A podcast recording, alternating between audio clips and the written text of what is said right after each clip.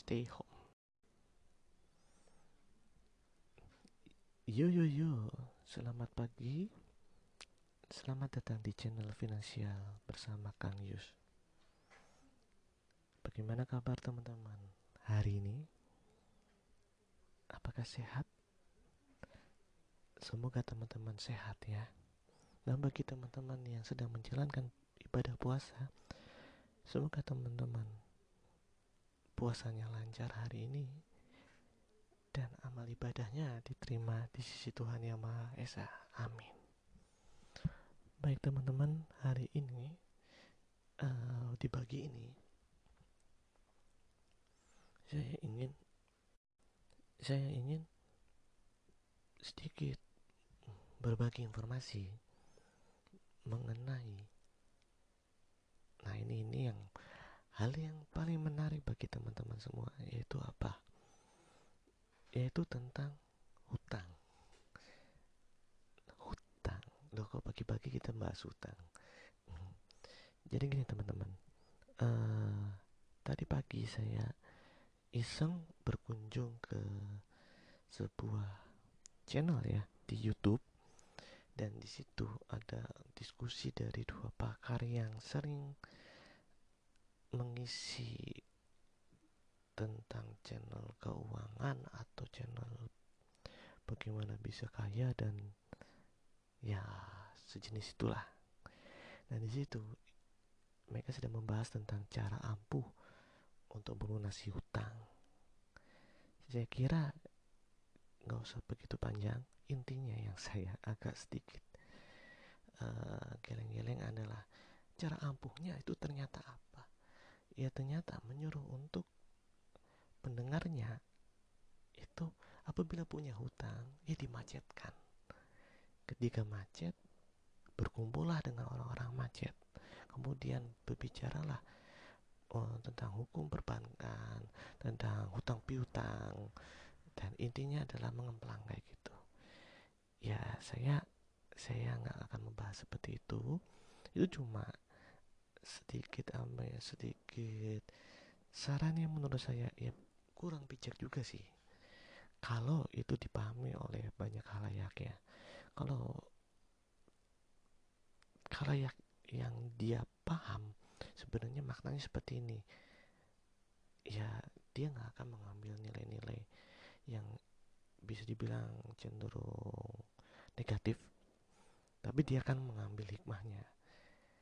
Tapi kalau yang tidak memahami lah dia akan bisa mengambil itu secara mentah-mentah. Nah oke okay, teman-teman. Nah di sini kita ingin ingin sekali membahas terkait masalah sikap kita dalam menghadapi hutang. Tapi di sini bukan saya berbicara tentang apakah hutang itu boleh atau tidak. Terus apakah uh, hutang itu diperbolehkan atau hukumnya bagaimana? Karena uh, saya tanda saya ini ya uh, saya tegaskan lagi di sini bahwa saya tidak akan uh, membahas tentang keyakinan seseorang ya. Jadi ketika anda berpikir bahwa hutang itu tidak sesuai dengan keyakinan anda itu silakan. Kita juga tidak menyarankan untuk hutang. Jadi di sini kita hanya ingin melakukan pendekatan karena apa? Hutang itu juga merupakan hal yang normal. Untuk kegiatan dalam kegiatan ekonomi ya hutang itu merupakan salah satu dinamika kegiatan. Anda ketika ingin memiliki suatu barang yang di mana kemampuan ada tapi untuk mengumpulkan uangnya ternyata masih kurang nah solusinya apa ya dengan berhutang itu? Itu cara yang cara gampang lah kayak gitu untuk mendapatkan barang. Nah tapi gini. Permasalahannya bagaimana sih utang yang baik itu seperti apa? Utang yang menurut kami sebagai perencana keuangan ya setidaknya tidak memberikan masalah atau efek-efek yang kurang baik ke depannya. Itu seperti apa? Di sini. Saya akan sedikit kasih gambaran saja dan sedikit kasih tips bagi teman-teman. Kalau ingin berhutang ya seperti ini. Mau tahu? Nah, silakan lanjut ke pembahasan ya. Kita mulai ke intinya saja ya. Nah ini gini. Uh, jadi gini teman-teman sebelum saya mulai lagi ke inti ya aduh belum sebelum mulai inti lagi ya uh, saya ingin saya ingin bertanya sama teman-teman sebenarnya gini teman-teman di sini saya yakin pasti ada yang sudah mengenal utang atau sedang menjadi pelaku sebagai debitur di perusahaan perbankan atau perusahaan jasa keuangan lainnya. Betul atau tidak? Jenis hutang-hutang itu banyak. Ada hutang yang sifatnya hutang pinjaman online instan, ada pinjaman yang berbasis kolateral, ada pinjaman yang usaha. Itu macam-macam jenis utang yang ditawarkan dengan rate yang kompetitif dengan bunga yang kompetitif. Nah, teman-teman uh, di sini tidak akan saya bawa uh, terlalu dalam tentang klasifikasi hutang itu seperti apa dan sebagainya. Yang itu pembahasannya insya Allah akan saya bahas nanti kalau ada waktu ya di podcast saya selanjutnya. Nah kita bahas ini aja dulu. Uh, ketika teman-teman datang ke showroom misalnya wah teman-teman ingin beli motor seharga 15.000 apa yang akan teman-teman lakukan ada kemampuan untuk membayar tapi uang kurang yang teman-teman lakukan itu apa ya pasti teman-teman Pertama, teman-teman datangi ke meja customer service. Kemudian teman-teman akan bertanya, boleh lihat tabel angsuran, iya atau tidak? Iya. Yang teman-teman lakukan pertama adalah teman-teman melihat tabel angsuran. Di situ disediakan tabel angsuran dengan berbagai tenor, berbagai jangka waktu, dan teman-teman bisa melihat, wah, saya ingin beli produk ini dengan harga sekian, angsurannya sekian. Untuk jangka waktu sekian. Betul atau tidak? Nah, kemudian yang kedua ya. Setelah teman-teman melihat terus apa yang menjadi dasar teman-teman untuk mengambil barang tersebut dengan sistem kredit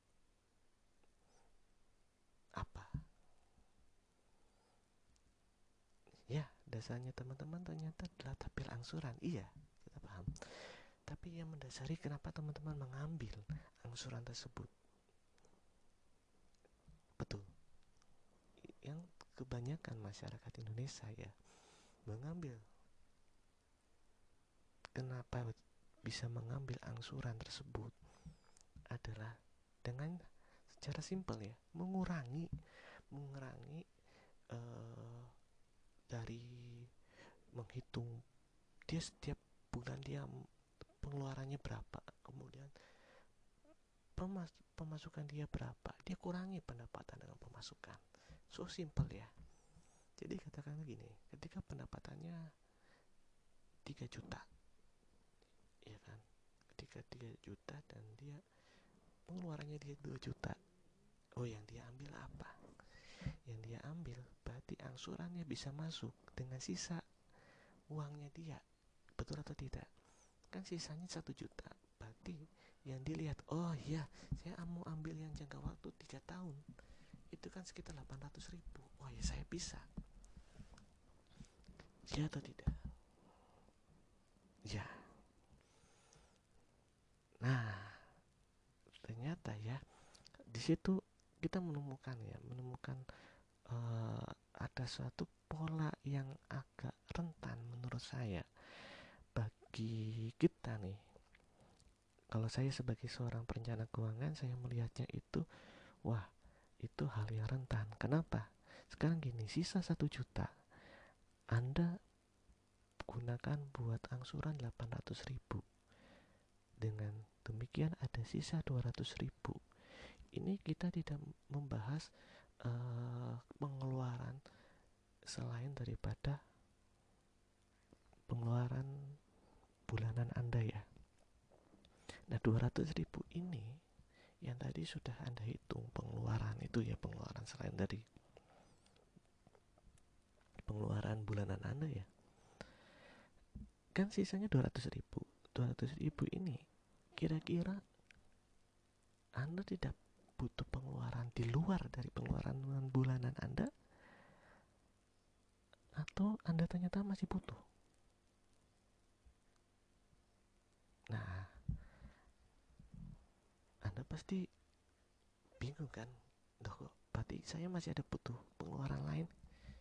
Ya saya kasih gambaran gini. Untuk pengeluaran Anda selama bulanan itu kan sudah pengeluarannya bisa dibilang uh, udah rutin ya. Karena melihat dari uh, kebutuhan Anda bulanan itu apa sih? Ya makan ya minum ya bensin dan yang lain-lain sebagainya ya kan nah yang 200 ribu itu itu kan sisa Anda sisa Anda yang bisa Anda gunakan untuk memenuhi kebutuhan yang di luar dari pengeluaran rutin bulanan Anda. Tapi 200 ribu itu apakah cukup? Anda mungkin masih membayangkan cukup. Saya kasih gambaran sedikit aja. Di wilayah Anda ketika musim kondangan. Nah, ketika musim kondangan apa yang terjadi? Anda pasti akan akan ikut kondangan karena ketika Anda berada pada lingkungan masyarakat ya, Anda mendapatkan undangan, undangan kondangan, undangan pernikahan, Anda pasti datang. Apa yang Anda lakukan ketika datang adalah Anda mengamplopkan. Iya enggak? Berapa amplopnya? Ada amplop minim-minim mungkin 50 ribu sekarang. Untuk level bos 100 ribu misal. Lah, kalau undangannya cuma satu, oke. Okay Bagaimana kalau undangannya ada empat apa lima? Ya kan? Anda akan mengamplopkan dari sana. Dari apa? Dari sisa yang 200 ribu itu. Betul atau tidak?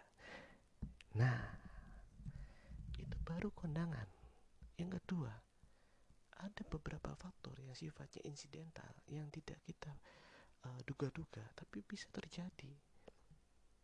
Insidental ini sifatnya ya secara alami dan kita tidak tahu kapan itu akan terjadi. Contoh sakit. Oke teman-teman, ketika sakit teman-teman berpikirkan saya masih ada BPJS. Tapi misalnya begini, BPJS itu kan harus harus ada rujukan dan juga harus pada vaskes pertama. Masalahnya adalah ketika Anda sakit di malam hari atau di hari di mana vaskes Anda tidak beroperasi. Dan di situ hari libur. Dan anda mau mau nggak mau anda ke dokter umum. Dokter umum di sini tidak menyediakan layanan kesehatan seperti BPJS ya eh, fasilitas BPJS dan kalau anda mau masuk ke rumah sakit ketemu sama dokter spesialis yang ingin dapat rujukan kan anda harus ke vaskes pertama. Ya betul apa tidak? Akhirnya apa? Anda mengeluarkan uang. Kalau masuk ke dokter umum kemungkinan ya biaya bisa 100 ribu. Itu belum dengan obat atau dengan obat bisa.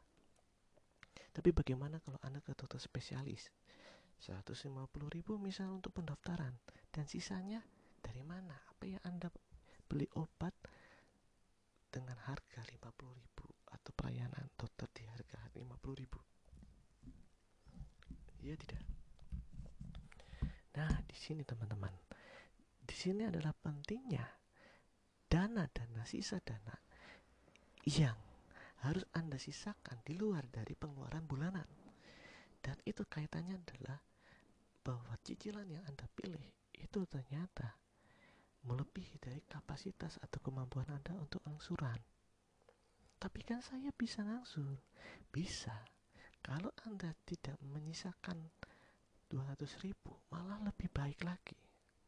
Loh, kalau gitu caranya gimana, Mas? Caranya adalah Anda harus mengurangi dari angsuran yang sebesar 800 ribu itu dengan cara nah begini dalam ilmu perencanaan keuangan ya uh, kita sebenarnya ada perhitungan ada perhitungan yang kita gunakan seperti ini ketika anda ingin berhutang maka ketika anda ingin berhutang lebih ke hutang konsumtifnya itu lakukanlah dengan minimal 30% dari gaji atau pendapatan bersih Anda. Pendapatan bersih Anda itu kalau kita nih sebagai pekerja atau pegawai itu biasanya adalah gaji yang masuk ke rekening Anda. Gaji yang diberikan saat Anda gajian atau istilahnya take home pay. Gaji yang sudah dikurangi dengan biaya-biaya dan juga pajak. Take home pay itu katakanlah tadi 3 juta. Berarti 3 juta. Anda kalikan dengan 30 persen. Berarti berhutangnya Anda maksimal maksimal itu 600 ribu. Itu yang sifatnya sehat dari penghasilan 3 juta. Tapi 3 juta ini ingat ya 3 juta ini belum dikurangi pengeluaran anda itu 600 ribu kita ambil dulu di situ. Tapi ada satu lagi ini satu lagi yang uh, biasanya saya sarankan kepada klien-klien saya ya. Uh, sebenarnya sih bukan klien ya lebih pada obrolan-obrolan seperti ini. Uh, ketika ada rekan-rekan yang minta saran. Saran saya adalah anda kurangin dulu dari pendapatan anda dikurangi dengan pengeluaran anda kan anda akan menemukan sisa. Pengeluaran itu pengeluaran bulanan ya. Yang sudah anda hitung pengeluaran bulanan. Yang tadi ya kita gambarkan dari 3 juta pendapatan dikurangi dengan 2 juta. Pengeluaran sisanya satu juta. Lah berarti 30 persennya berapa? 300 ribu. Berarti ada dua pendekatan ya. Pertama pendekatan dengan menghitung 30 persen dari pendapatan bersih anda dan ini pendapatan dikurangi dengan biaya-biaya.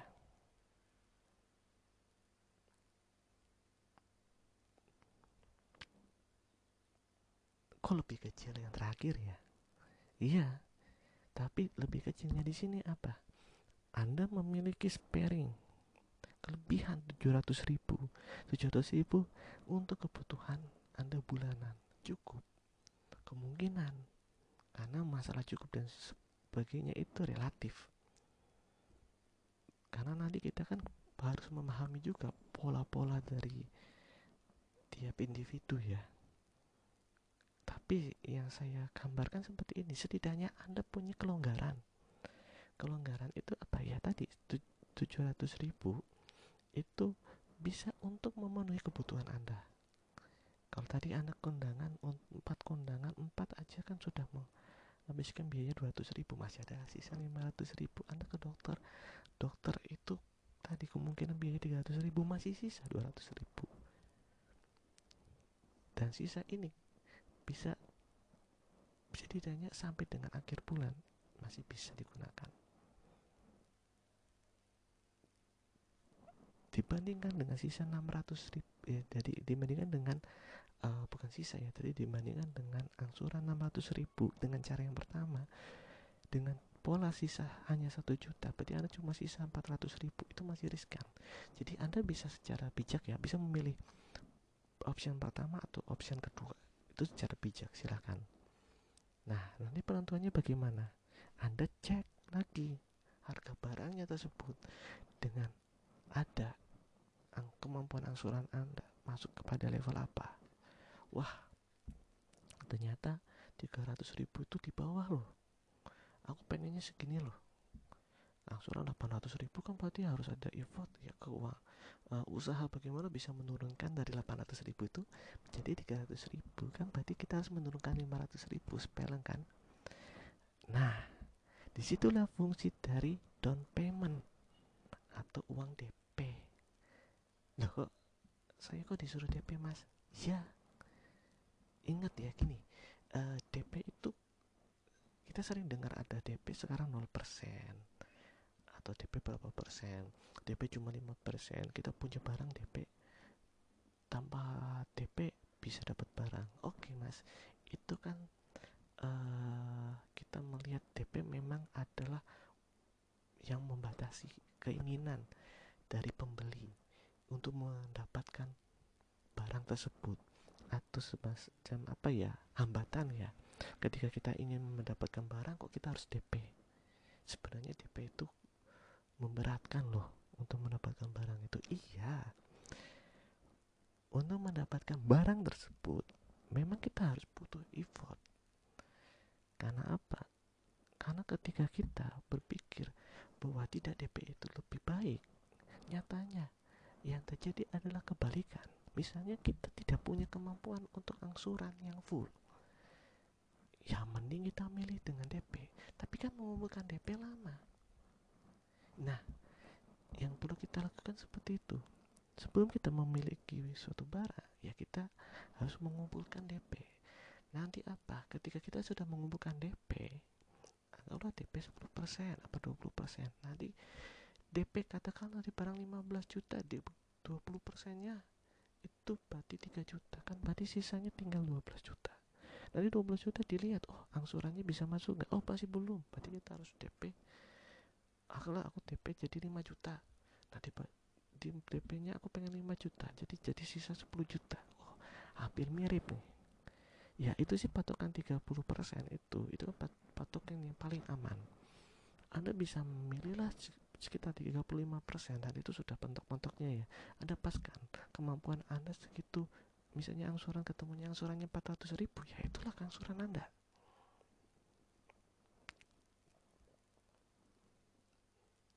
Ya sudah kalau Anda menemukan angsuran 400 ribu berarti Anda pilih. Di satu sisi Anda masih sisa 600 ribu satu sisi Anda aman. Di situ maksudnya perhitungannya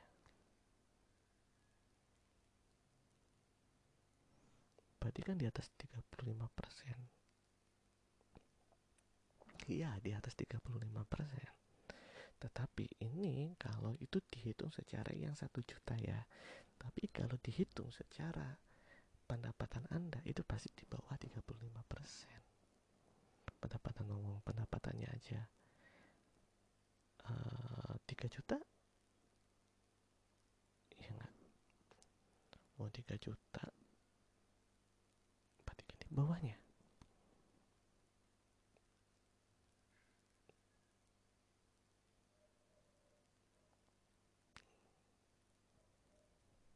Nah, di situ ya. Uh, oh ya, tadi gambarannya seperti itu.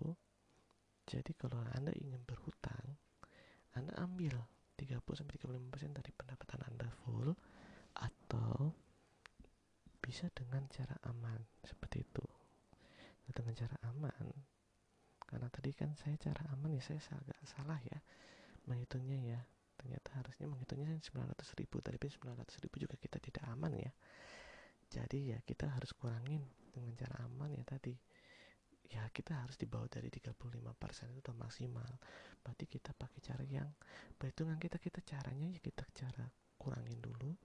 Kemudian kita ambil yang cara aman dari di bawah itu. Jadi patokannya ya tadi amannya anda adalah 300 ribu paling berisikonya adalah 900 ribu. Tapi dengan asumsi berarti anda harus mengurangi mengurangi uh, pengeluaran ya. Kalau anda mau pakai yang 30 sampai 35 persen dari pendapatan yang anda dapatkan take home pay ya berarti anda harus kurangi pengeluaran untuk mengurangi pengeluaran itu itu effortnya lebih ini lagi ya. Nanti kita kan bahas itu di arus kas.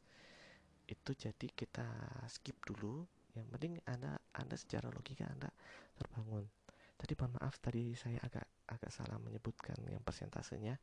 Tapi inti yang saya ingin sampaikan itu ya seperti itu. Nah setelah anda menemukan itu ya berarti kan anda tinggal memikirkan down paymentnya. Nah, bagaimana payment Anda bisa kumpulkan? Yaitu dengan Anda cobalah menabung. Menabung. Anda bisa menabung cukup aja di tabungan biasa. Bisa bukalah di perbankan nah yang penting anda nabung. Dalam fokus anda satu tahun ini adalah anda menabung down payment itu anda tidak akan rugi.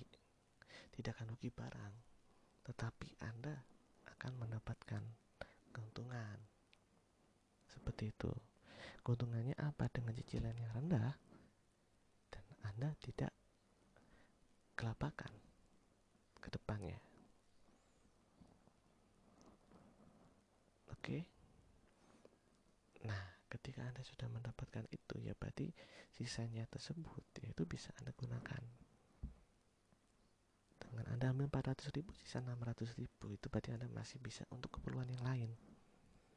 Nah, ini ini ini Anda bisa melakukan ini di berbagai hal. Dan di sinilah yang saya ingin garis bawahi tentang masalah down payment ya. Sebenarnya down payment itu bukan momok kok kita membutuhkan barang ya berarti kita kalau ingin ingin barang yang harganya mahal tapi kemampuan kita nggak bisa ya kita jangan mematok angsurannya tertinggi kayak kita tadi kalau apakah kita rugi? Jadi kita kita hitung aja. Kita payment 5 juta dengan harga barang 15 juta ya cuma 10 juta. Jadi kan 10 juta. Itu kan berarti kan jenengan sudah melakukan kalian teman-teman sudah melakukan effort yang luar biasa. Usaha untuk mengurangi resiko ke depan. Itu masih worth loh masih apa ya bisa dibilang ya uh, worth karena karena ini nggak ada nggak ada setengahnya nggak ada setengah harga kan betul tidak?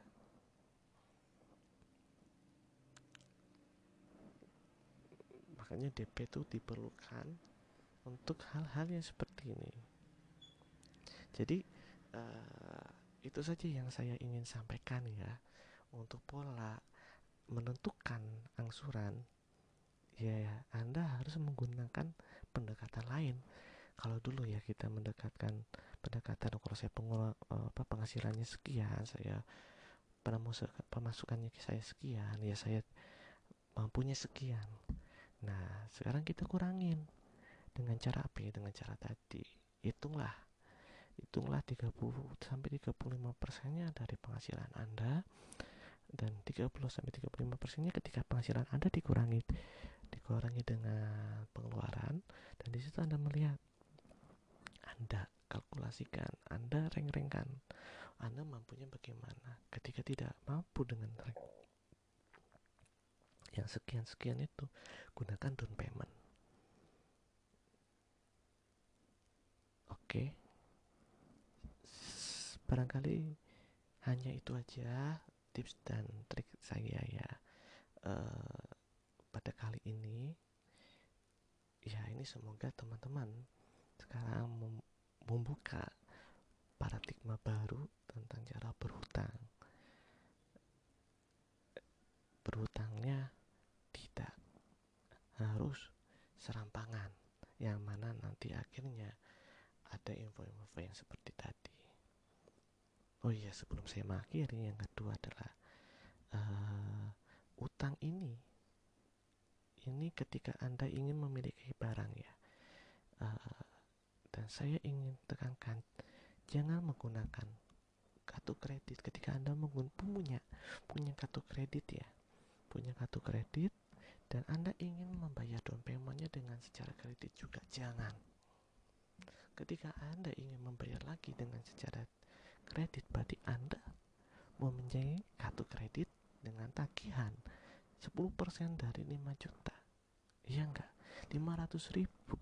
Dengan pembayarannya tadi 400 ribu ya sama saja jadi 900 ribu. Rugi. Anda ambil 5 juta kartu kredit dan anda gunakan pembayaran uh, yang sifatnya angsuran. Itu juga tetap aja menurut kami nih menurut saya sebagai seorang perencana keuangan. Uh, anda akan punya tanggung jawab lagi. Meskipun oke okay, itu meringankan anda untuk mendapatkan mendapatkan barang. Jadi anda kalau anda bikin cicilan lagi dibikin dua tahun atau katakanlah dibikin sampai tiga tahun dan anda hanya membayar 200 ribu tiap bulannya. Tapi kan hutangnya 5 juta kan tadi tiga tahun. Pengembaliannya berapa bisa hampir 7 juta kan? Itu secara finansial ya secara ekonomi ya saya kira itu kurang kurang menguntungkan. Tapi kalau emang anda akhirnya ingin memilih dengan cara yang seperti yang terakhir ini berutang dengan kartu kredit ya usahakan. Kalau memang seperti itu anda memiliki limit kartu kredit kemudian anda konversikan aja konversikan aja ke jangka waktu yang paling rendah. Dengan asumsi anda dapat 200 ribu kemudian cicilan tadi 400 ribu anda jadi cicilan 600 ribu. Ya di di bawah di dari cicilan yang itu. Tapi sisanya sisa anda kebutuhan kebutuhan anda itu uh, sisa dari uang anda itu kan jadinya 400 ribu. Kalau tadi sisa kita uh, pikirkan bersama-sama adalah satu juta gitu. Nah ya kalau mau seperti itu nanti kalau anda ingin uh, uangnya itu biar bisa sisanya agak sedikit menguntungkan ya anda harus mengurangi pengeluaran bulanan anda. Paling itu saja ya itu tambahan dari saya. Uh, apabila anda memiliki ide atau ada masukan silakan.